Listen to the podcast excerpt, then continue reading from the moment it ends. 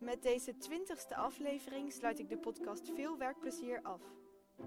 Ik onderzocht werkend Nederland en ging aan de slag met vragen zoals: wat willen kinderen laten worden en waarom? Welke drijfveren hebben werknemers? En hoe blikken gepensioneerden terug op hun carrière? Naast inhoudelijke verschillen ontdekte ik veel overeenkomsten in motivatie. Dus al doen we verschillend werk, onze beweegredenen lijken op elkaar. In deze aflevering hoor je het resultaat van mijn onderzoek.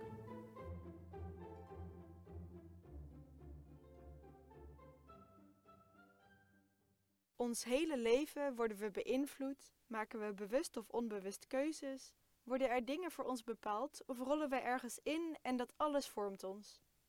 Op een gegeven moment, meestal op de middelbare school, word je gevraagd een studierichting te kiezen. De eerste bewuste stap naar een carrière. Daarna volgen de volgende stappen. Maar waarom kies je voor een bepaalde richting? Nou, je kunt bijvoorbeeld rondsnuffelen of geïnspireerd zijn door anderen. Dus ik heb toen een aantal studiekeuzetests gedaan, een beroepskeuzetest. En uh, nou, een beetje omheen gekeken. Mijn moeder was tandartsassistent, mijn vader die zat een beetje in de financiële. Dat deed me ook wel wat. Uh, ik was goed uit in wiskunde ook, dat vond ik ook leuk. Dus een beetje die, die logica en die beta-vakken, zeg maar, dat, dat lag me wel. Tijdens mijn opleiding bedrijfseconomie kreeg ik uh, te maken met het wetboek. Uh, kreeg ik het vak fiscaal recht en daar is eigenlijk mijn liefde voor de fiscaliteit geboren. Ja, er zijn op, op een heleboel vlakken zijn er, zijn er helden. Maar nu zijn er echt wel drie die ik echt heel vet vind. Jessie J, Ariana Grande en Ed Sheeran. Naast het rondsnuffelen en inspiratie opdoen, is het belangrijk dat je bij jezelf nagaat wat jij wil en waar jij goed in bent. Dat is niet altijd makkelijk. Want waarom deed je eigenlijk altijd wat je wil?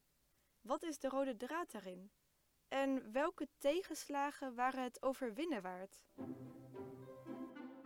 Alles wat we doen met elkaar is gewoon belangrijk. En besef je dat je ertoe doet of zo. Dat, uh, en het hoeft niet altijd te zijn in waar je goed in bent.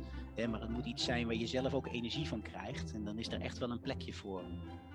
Op levensvragen moet je ook een, moet een mens ook persoonlijke antwoorden ontdekken. Die kan een ander nooit voorzeggen. Wat wil ik eigenlijk? Waar haal ik energie uit? Waar, wat maakt me gelukkig? Wat wil ik met mijn carrière? Wat wil ik met mijn loopbaan? Waar wil ik heen? Dus ga vooral doen waar je goed in bent, waar je echt blij van wordt, waar jouw energie van gaat stromen. En, um, en, en sla ja, handen in één. Voel je geroepen om een expert te worden in wat je het allerleukst vindt om te doen? Dat je je tegenslagen gebruikt om, om verder te komen, om te groeien, om te leren. En ja, wat ik ook altijd denk, het maakt niet uit wat er is gebeurd. Het maakt uit wat je, daar, wat je daaraan doet. Ik geloof erin als de student zelf eigenaarschap voelt bij zijn, zijn, zijn leren. Dus dat hij het zelf ook heel leuk vindt om met een bepaalde opdracht aan de slag gaat. Dat hij dan ook veel meer leert. Bij het kiezen van een richting is het ook goed om stil te staan bij je einddoel. Wat houdt het werk precies in? Hoe ziet een doorsnee dag er ongeveer uit? Wat wordt er van je verwacht? En welke kennis en vaardigheden heb je nodig? Wanneer je een beter beeld hebt van je einddoel, kun je een grondiger keuze maken en er beter naartoe werken. En je moet ook dus eigenlijk al jaren eerder, het liefst natuurlijk uh, in je beginjaren, al een idee hebben van wat wil ik gaan doen en hoe moet het er ongeveer uit gaan zien. Nou, ongeveer zeg ik. Je moet gewoon je dromen achterna jagen. Toen ik een jaar of 19 was, had ik voor mezelf de keuze gemaakt. Ik wil dit gaan doen en ik wil alleen nog maar dit gaan doen. Ik wil alleen nog maar muziek maken. Ik geloof als jij echt vanuit een purpose werkt, echt vanuit een hoger doel, uh, dat raakt mensen ook vaker in hun hart. En dan ga je echt ergens hard voor maken. Het is goed om een hoger doel te hebben.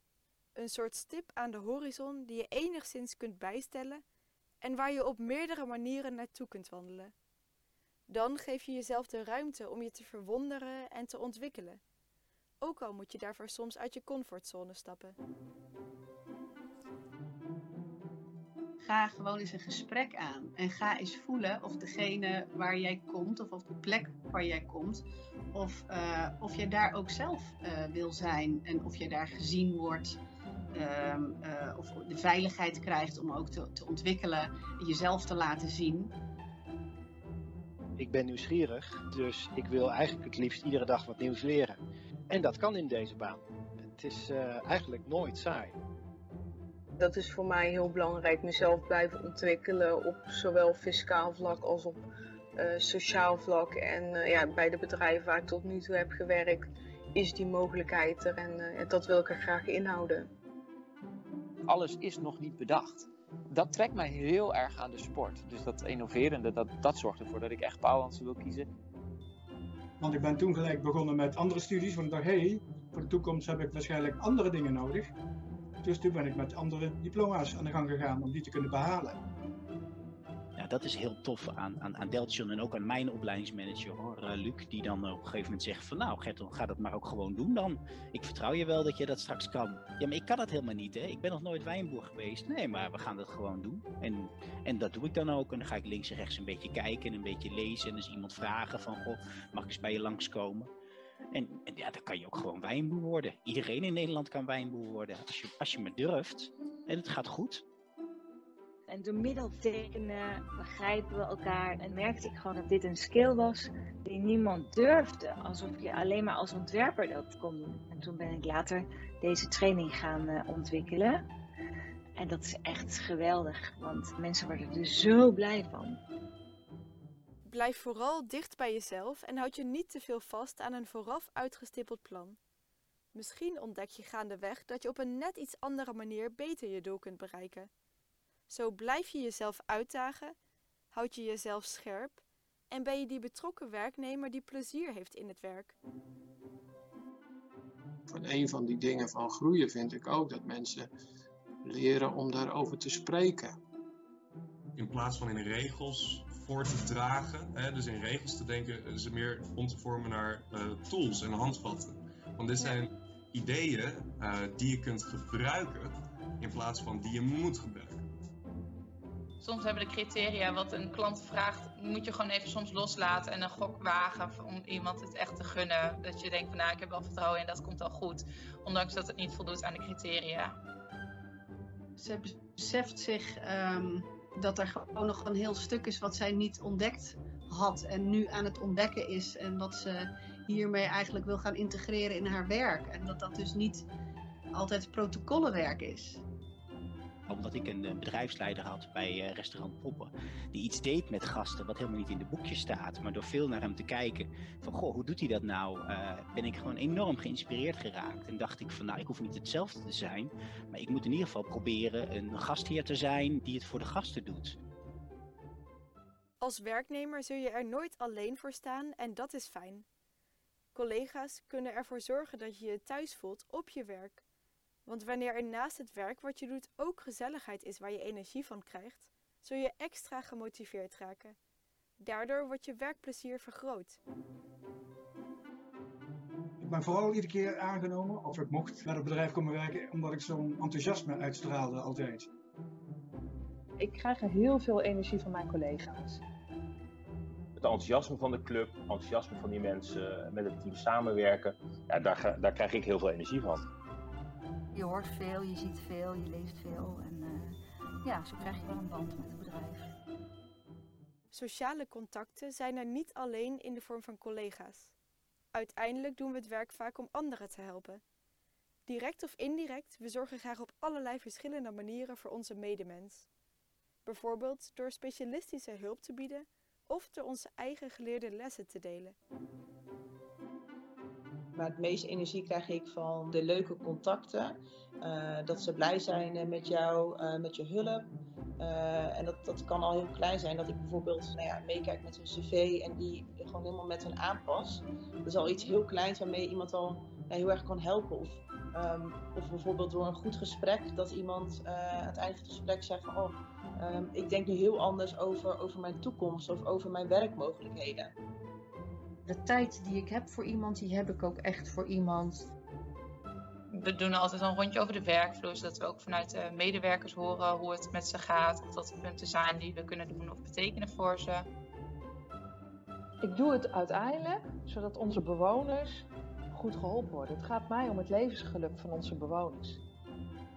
Ik wil gewoon andere mensen blij maken met mijn zangstem. Dus bijvoorbeeld mensen die nu heel eenzaam zijn. Ja, dan ga ik gewoon een optreden in het park geven. Ik help graag anderen te komen waar ik ook ben gekomen. Dat heb ik toen gedaan. Ik heb dat als zo waardevol ervaren. Ik heb daar zoveel uitgehaald. Dat ik dat uh, aan heel veel mensen gun. En dan zou ik mijn paarden als spiegel willen gebruiken.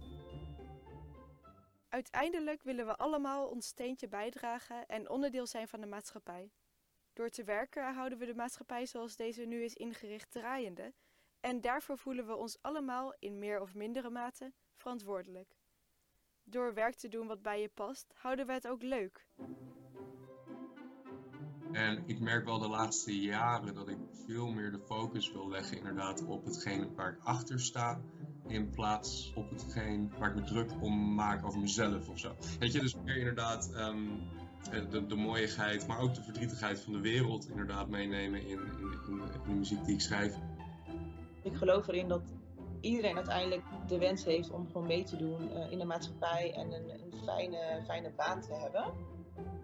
Bij HRM doen we heel veel en kun je juist ook van betekenis zijn voor zowel de medewerker als de organisatie, maar ook de samenleving.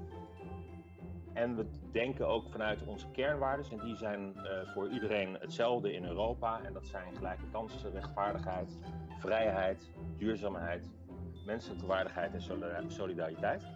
En uh, die gebruiken we als ankerpunten in Nederland, in Duitsland, in Bulgarije, in Italië en uh, eigenlijk in alle Europese landen. En daarmee verenigen we ons, uh, onszelf ook heel sterk. Dit is alweer het einde van deze aflevering en daarmee sluit ik deze podcast af. Hopelijk vonden jullie het leuk om te luisteren of zijn jullie zelfs geïnspireerd geraakt door de podcastgasten. Ik wil de luisteraars en de podcastgasten bedanken voor jullie betrokkenheid. En dan wil ik nu nog maar één ding zeggen. Veel werkplezier!